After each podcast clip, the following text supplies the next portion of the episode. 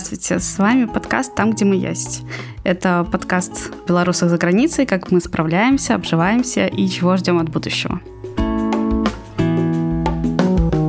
Сегодня у нас немного необычный выпуск, потому что Александра с нами сегодня нет, он уехал на гастроли, поэтому записываю этот выпуск я, и у меня есть прекрасная гостья Даша. Привет, Даша.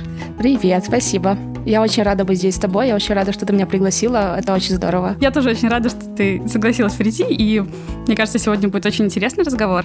Наверное, расскажи сначала о себе немножечко, угу. и мы начнем. Я Дарья, я квир-персона, и я сейчас, самое важное, чтобы мне узнать, это я соосновательница э, очень классной квир-инициативы, которая называется «Это okay, It's okay». Эта инициатива, мы создали ее с Олей Ковальской вместе на программе по правам человека.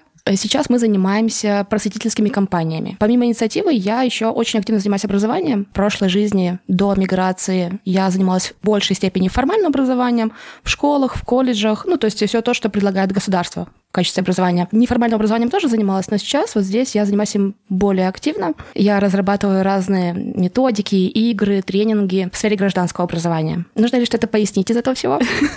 Да, я думаю, что мы можем поговорить напрямую о нашей теме. Мы сегодня будем говорить о квир-сообществе, квир-сообществе в контексте миграции, я думаю, Беларуси, Грузии, стран Европы, в которых оказались белорусы. И, наверное, стоит пояснить и рассказать, что же такое квир, угу. чтобы было сразу все понятно, о чем мы говорим. Квир — это такое зонтичное понятие. Вообще история слова квир. Изначально квир появилось э, слово как... Э, оно означает э, странный какой-то, какой-то необычный, с какой-то диковинкой. Этим словом можно было обозвать кого угодно, и оно имело такую негативную коннотацию. И можно было обозвать кого угодно, кто как-то отличается от какого-то э, нормального в кавычках, большинства. ЛГБТ-сообщество подхватило это слово и начало его использовать в отношении себя. И после этого оно приобрело такую нейтральную коннотацию. И сейчас мы, квир, можем сказать, э, что это любая персона, чья сексуальная и гендерная идентичность отличается от нормы. А социальные нормы, опять-таки норма в кавычках, это квир. И поскольку вот э, я называю себя квир-персоной, потому что моя сексуальная идентичность отличается от нормы, а норма — это гетеросексуальные люди, вот, а я гомосексуальная женщина, поэтому я могу себя уже назвать квир, и я еще называю себя небинарной персоной. Это тоже гендерная идентичность, которая отличается от нормативной. Подожди, так получается, что это одно и то же? Или нет? В чем а... различие между квир и небинарными персонами? А, небинарные персоны... Просто квир это понятие, которое как, э, как облако, как зонтик, под которым собираются угу. геи, лесбиянки, трансгендерные люди, небинарные люди, бисексуальные люди и так далее. Вот, это под все собирается под словом квир. Угу. Но квиры могут быть люди разные. То есть можно быть цисгендерной женщиной, э, выглядеть как женщина и иметь какую-то женскую нормальную модель поведения, опять-таки норма в кавычках. Э, да, у нас подкасты, поэтому, когда ты делаешь вот это вот кавычки в воздухе, не все могут понять. Да-да-да. Вот. И то есть э, женщина, которая выглядит как женщина, она может быть лесбиянкой, и в таком случае как бы квиром будет ее только сексуальная идентичность. Но люди могут э, выглядеть по-разному и ощущать себя по-разному, Э, смотри, просто есть как бы наш бинарный мир, да, где есть четко мужчины, четко женщины. Это мир, в котором мы живем, к сожалению. Он не идеальный. Но на самом деле гораздо больше всяких вариаций, да. То есть мы сами понимаем, что, например, там мы женщины, но в каких-то случаях у нас какая-то там мужская модель поведения, в каких-то случаях э, мы можем не ощущать себя полностью женщинами, да. То есть э, вот это вот понятие женское и мужское, оно сейчас очень сильно размывается, слава богу.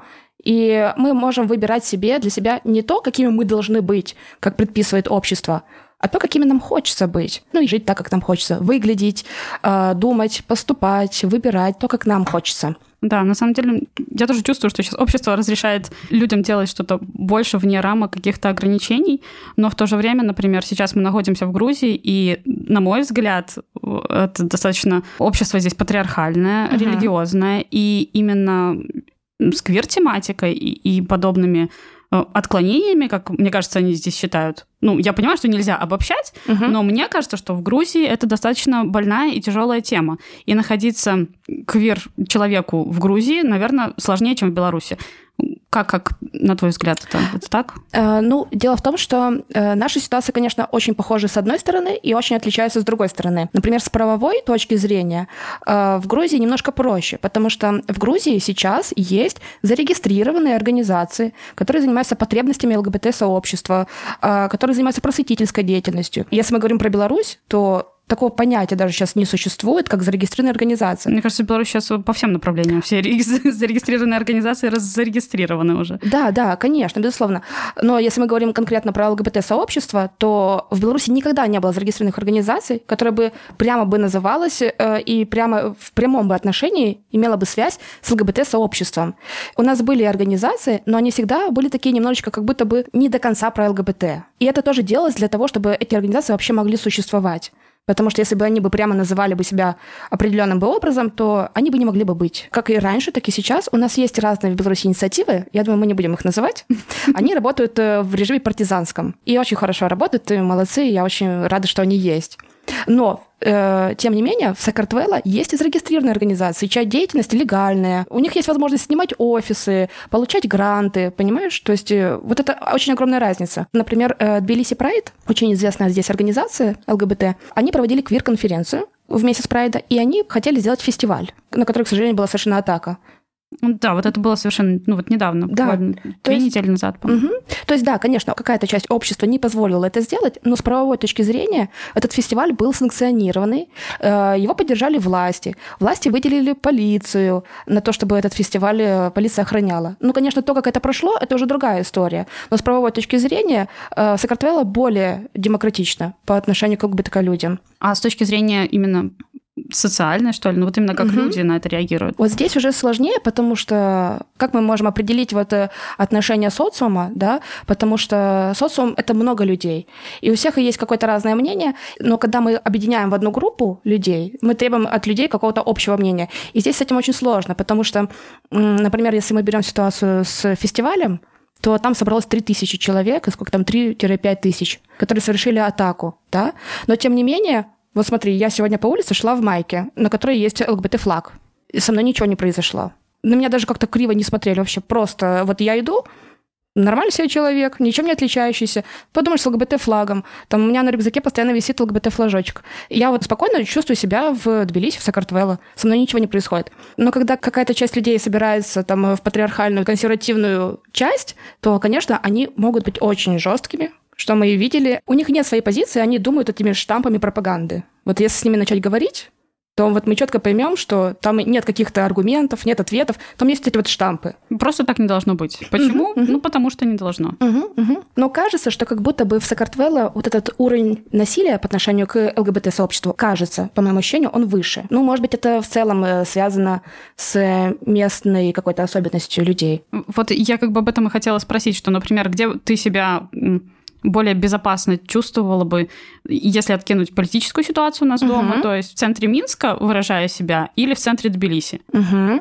Знаешь, очень сложный вопрос, потому что когда я жила в Беларуси, э, я даже в отношении себя не могла сказать слово лесбиянка потому что вот мне казалось, что это слово, ну, блин, оно какое-то грязное, оно, оно стрёмное, я не хочу себя так называть. Мне даже было проще себя называть человек гей, как-то безличностно, да, и в Беларуси, когда я жила, э, я могла только вот сказать э, человеку, в котором я очень уверена, Потому что, знаешь, я лесбиянка. Когда я приехала в Тбилиси, я направо и налево. Я лесбиянка, я квир-персона, я не бинарная персона. То есть я здесь могу свободно, вообще спокойно об этом говорить. Но, может быть, это еще связано с тем, что, знаешь, в Беларуси мои корни, мои родственники, большая там какая-то семья, которая, если, не дай бог, узнает, то что они там подумают. А здесь как будто бы этих факторов сдерживающих нет. Но и все-таки и здесь меня окружают люди из НГО-сектора, люди активистки, активисты. Это, как правило, такое сообщество ну, более толерантное. Поэтому я так себя спокойнее чувствую и могу вот э, говорить о своей идентичности очень легко. Это интересно, потому что недавно буквально мне попадалась информация о том, что там был разговор с активистом из Германии, который занимается ЛГБТК плюс беженцами, которые вынуждены покидать свою страну именно из-за того, какие они. Не из-за политической ситуации, а из-за своей сексуальной ориентации. И он говорил, что большой поток из России и из Грузии. Угу. Что, ну, то есть он конкретно отдельно выделил эти две страны, в которых сейчас достаточно тяжело. Поэтому Для меня вот это очень интересен твой рассказ, что, с одной стороны, вроде бы, да, есть люди, которые могут прийти откровенно напасть, но, с другой стороны, как отдельный человек, в Сакартвелло ты себя можешь чувствовать достаточно свободно. Скорее всего, у тебя есть друзья, знакомые, может быть, в Европе, ты знаешь, как там обстоит с этим дело. Мне было очень забавно наблюдать за прайдом в Варшаве. Э, ну, сейчас вот Польша, э, все-таки у нее сейчас репутация как демократической страны немножечко ухудшается из-за того, что государство хочет контролировать репродуктивные функции женщины. Но, тем не менее, в Варшаве был прайд, на котором э, участвовали наши белорусочки, белорусики. Там было очень много красивых инсталляций, было очень много флагов, БЧБ флагов, ЛГБТК флагов. Это все так классно выглядело. И я смотрела фотографии, с этого прайда. И мне так вот было приятно смотреть на людей на фотографиях. Они были, знаешь, такими вот какими-то открытыми, э, и чувствовалась радость в их глазах, да, вот, вот это вот ощущение свободы. Вот э, на прайде обычно люди одеваются очень как-то необычно, э, может быть, даже там, можно сказать, кавычки, вызывающе, да, или как-то так не принимающе, да, но на самом деле в жизни, как бы в обычной жизни люди так не ходят. Но на прайде это место, где вот можно почувствовать себя вот так вот свободно и легко, что можно одеться как угодно, как угодно выглядеть. Мужчины могут сделать макияжи, женщины могут э, одеть какую-то э, традиционную мужскую одежду, и, и все будет окей. И, и это нормально, и это классно, это здорово. И люди от этого счастливы, что они могут быть кем угодно, кем они просто хотят. И мне кажется, что вот белорусики, ну вот именно белорусские люди, которые там были, вот я видела в, в их глазах вот эту вот радость что вот они могут себе это позволить здесь и сейчас.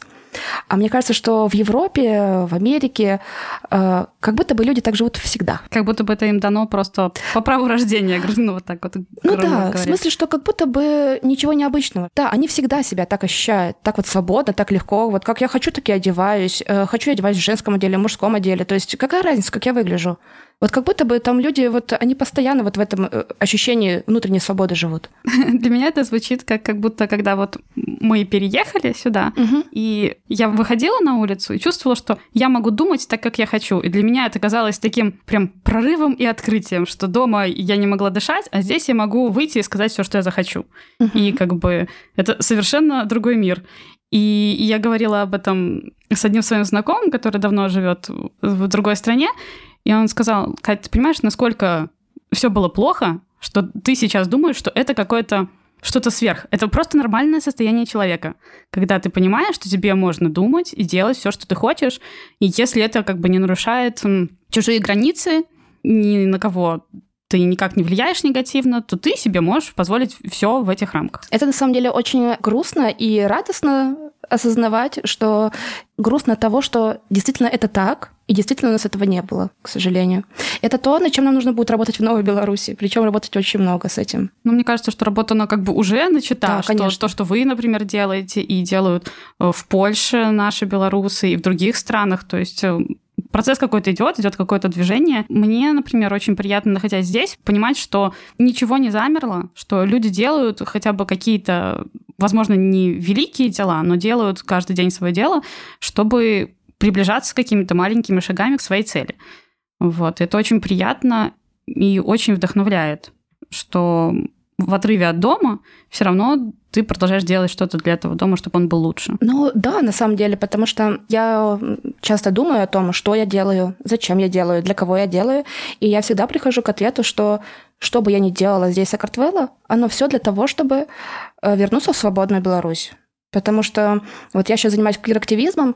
Зачем бы мне это нужно было бы делать, если можно поехать в любую другую страну, например, в ту же Европу, как-то там легализоваться и жить в свободной стране, да?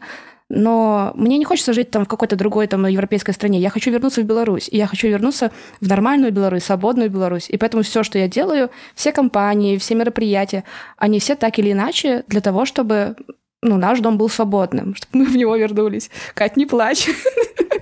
Меня палишь? Вот Иванович меня никогда не палит. Он отлично начинает что-нибудь говорить, и я там слезу утерла свою.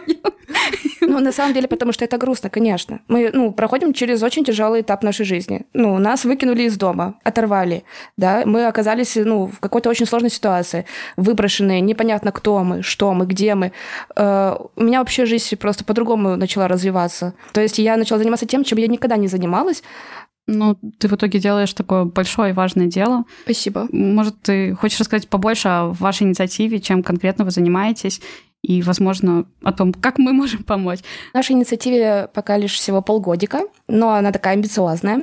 Мы недавно сделали очень такое большое исследование, за которое мы получили и поддержку, и немножечко хейта, а, потому что мы спрашивали у цисгендерных и гетеросексуальных людей. Так, стой, подожди. Пояснительная бригада, расшифровка да. давай. Что такое цисгендерные? Цисгендерные. Цисгендерные люди — это социальная норма, когда мужчина выглядит как мужчина, а женщина выглядит как женщина. И все. То угу. есть э, биологические половые признаки совпадают с ощущением себя. Это цисгендер. И гетеросексуальные — это значит, что люди любят противоположный пол. Так вот, у таких вот людей, цисгендерных, гетеросексуальных, мы спрашивали их отношение к ЛГБТ-людям. Э, мы сделали анкеты, собрали очень много ответов, э, больше 560 ответов, и сделали еще 10 глубинных интервью. И мы спрашивали их отношения. И за это нас, люди, которые нас поддерживали, разделились на два лагеря. Кто-то нас за это немножечко, не то чтобы хейтил, но как бы говорил о том, что так делать не надо, потому что цисгендерные гетеросексуальные люди, они и так решают все.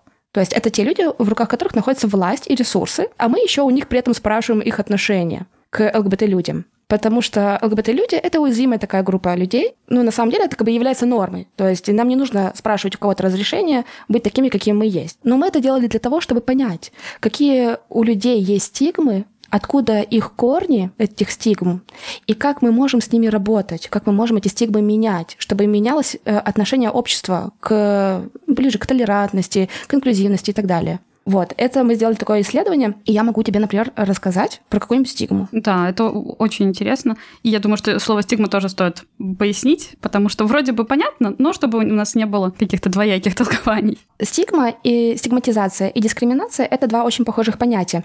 Дискриминация э, у них очень много разных определений, и я скажу по-простому, на таком бытовом уровне, да, что э, дискриминация — это ущемление прав кого-либо по какому-либо признаку со стороны кого-то, у кого есть какой-то ресурс или власть. Вот, э, например, государство имеет э, ресурсом и властью, и государство дискриминирует, например, ЛГБТ-людей, например, запрещает право на брак, запрещает право на усыновление и удочерение детей. А стигматизация — это тоже ущемление прав какой-либо группы людей, но без ресурса власти. То есть, например, например, вот если бы ты говорил... То есть я могу стигматизировать, а да. дискриминировать я не могу. Да. Ну вот я лично как человек. Да, то есть если ты по отношению ко мне не обладаешь никакой властью, то ты можешь меня только стигматизировать. Но это тоже достаточно очень неприятно. То есть стигматизация включает в себя разные предубеждения, предрассудки, стереотипы. И это все э, создает такое какое-то негативное отношение общества. Знаешь, часто можно услышать такое обращение, например, э, цисгендерных гетеросексуальных людей по отношению к ЛГБТК людям, можно часто услышать такое. Зачем вам жениться? Вот сидите дома, делайте, что хотите, за закрытыми дверями. Зачем вам жениться? Что вам мешает любить друг друга? Не надо просто этого всего показывать. Делайте, что хотите. Никто вам ничего не запрещает. То есть и людям кажется, что как будто бы нет никаких проблем в ущемлении прав человека, в ущемлении прав ЛГБТК людей. Но на самом деле вот этот, э, этот момент, да, жениться, это очень большая привилегия, которой обладают люди э, из нормативного общества и которые не обладают люди из ЛГБТК-сообщества. Э, потому что вот эта вот привилегия жениться и заключать брак, из нее выходит еще много разных других привилегий. Например, вот знаешь, у нас в Беларуси, когда мы заканчиваем бюджетное образование в университете, у нас потом распределение идет. Знакомо, да? И вот в распределении можно поехать на отработку, например, в тот город, поселок или там какой-то населенный пункт, где находится твой супруг или супруга. Соответственно, это привилегия, выбрать себе какое-то место, где находится твой партнер, партнерка, любимый человек. И этой привилегии нет у ЛГБТК людей. Еще пример. В Беларуси у нас в медицине есть больницы, и реанимация, когда вопрос жизни под угрозой, в реанимацию могут впустить только близких родственников или супругов. Соответственно, если я нахожусь в отношении там, со своей партнеркой, моим любимым человеком, и она оказывается там, например, в реанимации, в больнице, я даже не могу попасть э, в больницу, понимаешь? зайти просто увидеть, понять, как мой любимый человек, что с ним происходит. На самом деле это очень тяжелая ситуация. Кать, ты можешь себе представить, что твой любимый человек находится в реанимации, и ты даже не можешь вообще узнать, что с ним, понять, какая нужна помощь, просто увидеть, жив ли этот человек еще. Это ужасно. Ну да, это только пару примеров. Или, например, когда, помнишь, в 20-е годы э, людей забирали в тюрьмы. В тюрьму можно было сделать передачку только близким родственникам или супругам. А там, допустим, я человек, у которого нет там близких родственников, например, там из другого города, из другой страны, и, например, у меня есть только партнер или партнерка. и у этого человека даже нет доступа ко мне, чтобы передать мне какие-нибудь там лекарства, какие-то необходимые вещи, да, прокладки, тампоны, то, что нужно в тюрьме. Вот, это, ну, очень ужасно, да, и люди, э, цисгендерные гетеросексуальные люди, на самом деле просто не знают, что они обладают какой-то привилегией, которой не обладают другие люди. Да, я об этом совершенно не задумывалась. С одной стороны, я не считаю, что я вправе решать, кто может э, жениться или не жениться, то есть, ну, это как бы не мое дело. Это меня не касается, что каждый человек в своей жизни волен делать то, что он хочет. Угу. Но я не задумывалась о том, что это важно не только по какой-то моральной, психологической точке зрения, а вот именно с каких-то практических, э, в практических вещах, в законодательных. Ну, конечно, наверное, тяжеловато говорить это в контексте Беларуси, потому что на данный момент, мне кажется, все равно, кем бы ты ни приходился, если не хотят, чтобы ты попал к человеку, ты к нему не попадешь. Но как вообще, в принципе, сама ситуация, если в обычной стране работают законы, то на самом деле это очень важно. Вот я заметила, э, что ты уже второй раз сказала про то, что в Беларуси всем плохо. Нет, не всем плохо. Я сказала, не, ну всем что плохо. ситуация... Есть люди, которым нормально. Ну, в смысле... э, Ну, давай вот. Они есть. Есть разные люди. Есть кому нормально. Э, Я к тому, что сейчас в Беларуси какие-то механизмы не действуют, но они не действуют как бы для всех. То есть э, в какой-то мере мы все вот, вот в этой ловушке в этой корзинке лежим, и там вообще без разбора в этой машине кто ты и что ты. Помнишь ли, может быть, ты такую ситуацию в 20-х годах, э, в 20-х годах? Это так звучит, как будто в 20-х годах прошлого века. Уточняй. А не то этого века, я помню, с прошлым как-то не всегда, знаешь. Да. В 20 году были большие марши. И был сделан такой фотоздымок очень пригожий, где, где дзяўчыны целуются под БЧБ стягом. Так, Памятаешь, было было такое? И, к сожалению, в социальных сетках вывалилось очень много хейта по отношению к этим девушкам и самому и фотографу или фотографке к самому факту того, что этот фотосдымок здесь находится. И люди писали такое. Конечно, марши мы поддерживаем. Конечно, мы должны ходить, мы должны шатать диктатуру, мы должны светнуть режим Лукашенко. Но вот вы тут, девушки-лесбиянки, целуетесь. Мы как бы сейчас не про это. Мы как бы сейчас вот Лукашенко хотим свергнуть, а вот геи и лесбиянки давайте вы как-нибудь потом решите свои вопросы. Понимаешь, как бы абсурдная ситуация, да? Что мы ходим э, против диктатуры, за демократию, мы хотим честных выборов, мы хотим, чтобы остановили насилие, но при этом мы сами транслируем гомофобные вещи. То есть э, это такой немножко как бы порочный круг. То есть я к тому, что если мы в какой-то момент забудем про какие-то уязвимые группы, то мы просто из старой диктатуры сделаем новую диктатуру, где будет удобно каким-то другим людям, но не всем. А это не про свободу, это не про демократию. И это очень важно, про это не забыть. Если мы там делаем какие-то проекты, какие-то программы, да, создаем там реформы, очень важно помнить про то, что у нас общество многообразное. И есть люди, про которых э, забывали очень долгое время. Это не только ЛГБТК, это и женщины, на самом деле, женщины с детьми, э, это люди с инвалидностями и так далее. Это те люди, которые всегда были ущемлены в каких-то привилегиях, в каких-то правах. И если мы опять сейчас в построении новой Беларуси забудем про них, мы сделаем новую Беларусь какую-то удобную только для одного круга людей, это будет просто новая диктатура. Я с тобой совершенно согласна, но хочу уточнить. То есть вот то, что я сказала Мгм. о том, что в Беларуси сейчас законы не работают для всех, для тебя это прозвучало, как будто бы я вычеркиваю проблему ЛГБТ из э, нашего разговора.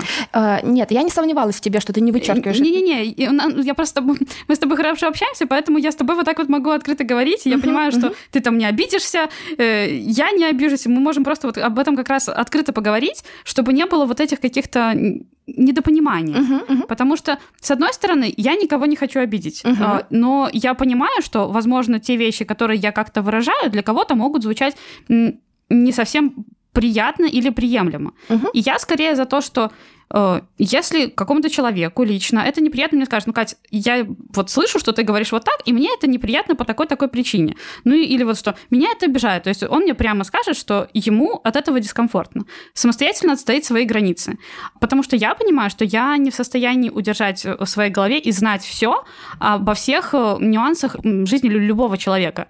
Потому что даже не касаясь повестки ЛГБТ, экологии, феминизма и еще чего-то, у каждого человека в душе, в жизни происходит куча всяких вещей. И я не могу знать, в какой момент я кого задену. И поэтому в этот момент я полагаюсь на человека, с которым я разговариваю, что он внутри себя будет держать свои границы, и мне об этом спокойно скажет. Мгм. Вот. Все, все правильно, все, все супер, все прекрасно. Спасибо, что ты об этом говоришь. Это очень здорово, да. И поэтому я знаю, э, что ты адекватный человек, и я знаю, что ты не стремишься как-то там задеть меня, обидеть. И это нормально, то, что ты об этом говоришь. И очень здорово, что ты это анализируешь, и ты понимаешь, и говоришь о том, что ты не можешь дать все. Ну, ну, ну, никто не может знать все, да? Вот. Э, что-то быстро меняется в нашем обществе, какие-то установки, какие-то устои, принципы, правила, э, что-то меняется, мы не можем за всем уследить. И очень здорово, что ты об этом говоришь, и говоришь, что если что, поправьте меня, это очень здорово на самом деле. Вот, так что спасибо, все, все супер. Хорошо. Uh, да, просто, а вот есть как раз-таки люди, которые говорят про то, что вот в Беларуси там всем плохо, вот они как раз-таки вычеркивают из этого списка, вычеркивают ЛГБТК, э, людей с инвалидностью, женщин, феминисток, э, и оставляют только какой-то круг цисгендерных, гетеросексуальных, как правило, мужчин, людей. Я, я тебе поверю, хорошо. Я не, я не могу знать все, я не эксперт, да. поэтому я тебе верю. Так бывает. Угу. Мы можем продолжить анализировать стигмы, которые тебя все еще бесят. Давай, да. накидывай нам. Когда мы анализировали наши исследования, одна вещь меня очень сильно удивила, потому что мы собрали очень много открытых ответов, и их нужно было прочитать, чтобы сделать какие-то закономерности, какие-то выводы. Это было, конечно, тяжело читать, потому что люди писали э, в первую очередь о негативном своем отношении к ЛГБТК людям. И знаешь, вот сейчас, например, вот в Беларуси белорусский язык это запрещенный язык. В Беларуси, в Беларуси белорусский язык это язык протеста. Логично, да? То есть, да, да очень это, логично. Это мы все понимаем. И для меня было очень странно, когда я увидела ответ на белорусском языке, который содержал негативные отношения к ЛГБТК людям. У меня удивило то, что как так может быть, да? Ты говоришь на белорусском, ну, это есть какой-то отсоток того, что ты против режима Лукашенко. Это значит, что ты против диктатуры, ты против насилия, против э, дискриминации, против э, всего того, вот э, всей этой жести, которую делает режим Лукашенко. А здесь ты поддерживаешь гомофобию.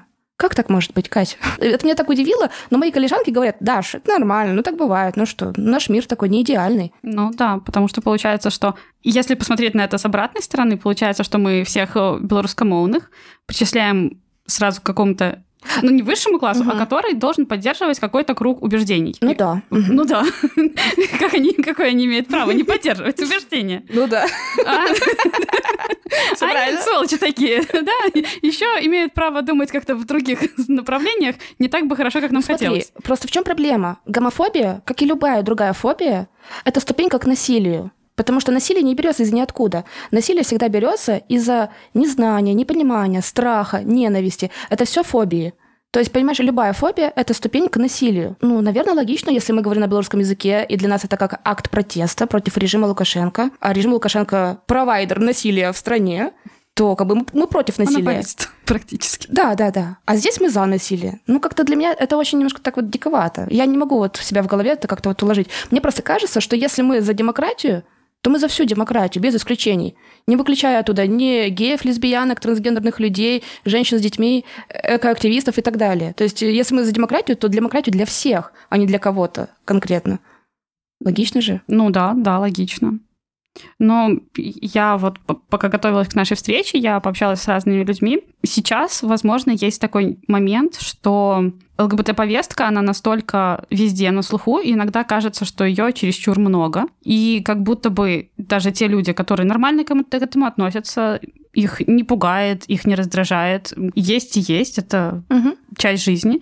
Но когда тебе постоянно это транслируют, как будто бы из каждого утюга, они ощущают это как вот э, давление, угу. навязывание не то что взглядов каких-то, а вот именно как ну, вот навязывание чего-то, каких-то взглядов. Да, это вот очень интересная риторика. Это очень интересная риторика. Вот, вот то, я не знаю, что на это ответить, потому что, с одной стороны, в принципе, когда смотришь сейчас любое кино, ты обязательно ждешь, что без э, геев, лесбиянок там не может быть ничего, что, ну, серьезно, это странно. Так же, как и должны быть э, темнокожие люди, и должны быть э, люди нестандартной сексуальной ориентации. Нестандартной. В кавычки. Ну да, да. Вот, и то есть, с одной стороны, это ок, а с другой стороны, те, кому до этого вроде бы дела не было и не переживали об этом, чувствуют, что на них это давит. А почему это не ок? Нет, не то, что это не ок, просто это как бы как будто обязательный пункт становится в, в информационном поле. А знаешь, когда он закончится? Ну, я не считаю, что он должен как бы закончиться, наверное. Он закончится, у него есть определенные рамки. То есть э, вот эта ЛГБТК-повестка, она будет актуальна, и я надеюсь на это, что она будет актуальна до тех пор, пока у нас у всех не станут одинаковые равные права во всем. А пока у нас этого нет. И поэтому об этом очень важно говорить людям, напоминать, что помимо, опять кавычки, помимо нормальных отношений есть еще много разных других вариаций построения отношений межличностных. Помимо гетеросексуального секса есть еще гомосексуальный секс, и он тоже имеет право место быть, потому что почему нет? Почему это должен кто-то контролировать? Никто не должен. Да, да. Ну, то есть э, э, людей удивляет то, что они стали в какой-то момент больше видеть гомосексуальных людей, да, но они были всегда, везде. Это не то, что они вдруг резко появились. Просто эти люди начинают э, набирать какие-то равные возможности, такие же, как и были у цисгендерных, гетеросексуальных людей. И цисгендерных гетеросексуальных людей это немножечко пугает, что как будто у них что-то отбирают. Но на самом деле никто ни у кого ничего не отбирает, да, там не эфирное время, там ничего. Просто кому-то дали чуть-чуть больше возможностей для того, чтобы выровнять этот дисбаланс в обществе. Катя? Не, я понимаю, потому что, в принципе, меня это не раздражает. Меня скорее... Вот если я сейчас скажу уместность, это будет плохо. Э, я, наверное, скажу так. Меня иногда смущает качество подачи этого материала, ну вот, например, в фильмах. Иногда ты видишь, что это здесь добавлено специально, чтобы вот что-то добавить. Угу. То есть, например, я читала недавно книгу, там были все герои мужчины, и была одна женщина. И я вот прям зуб даю, что ее туда добавили, просто потому что как же так сейчас нельзя писать книжки без женщин, потому что она там настолько вот влеплена внезапно. Угу. И вот это раздражает. И получается, что как будто бы у этой медали две стороны. С одной стороны, важно говорить о женщинах, угу. ну вот о, о любой какой-то проблеме, да. Но с другой стороны, иногда это делается таким образом, что, ну вот можно было уже тогда лучше и не надо. Угу. Как будто бы вот это добавление, оно добавляет пренебрежение к этой группе людей. У тебя никогда такого не складывалось ощущение? Ну, знаешь, у меня никогда не складывалось такого ощущения, потому что я как лесбиянка смотрела фильмы, где есть какие-то связи между женщинами. Нужно было как-то учиться этой жизни, чтобы хоть на каких-то примерах, да, как строятся эти отношения, как развивается романтическая связь и так далее. И таких фильмов всегда было, ну, очень мало. Их можно было пересчитать по пальцам в ЛГБТК-сообществе все знали какие-то там вот такие вот культовые фильмы. А сейчас Слава богу. Э, можно даже не искать специально какой-то такой вот тематический фильм, а увидеть вот эту вот связь, вот эти вот отношения в любом другом фильме. И вот ты говоришь, что порой как будто бы это за уши притянуто. Ну, знаешь, может быть и так, если это как-то, знаешь, не очень качественно снято, без какой-то идеи, да, без какой-то вот, концепции. Вот, я об этом и говорю. Но здесь очень важно понять, что э, разница, как бы одно дело все-таки сценарий, постановка фильма, это одно дело.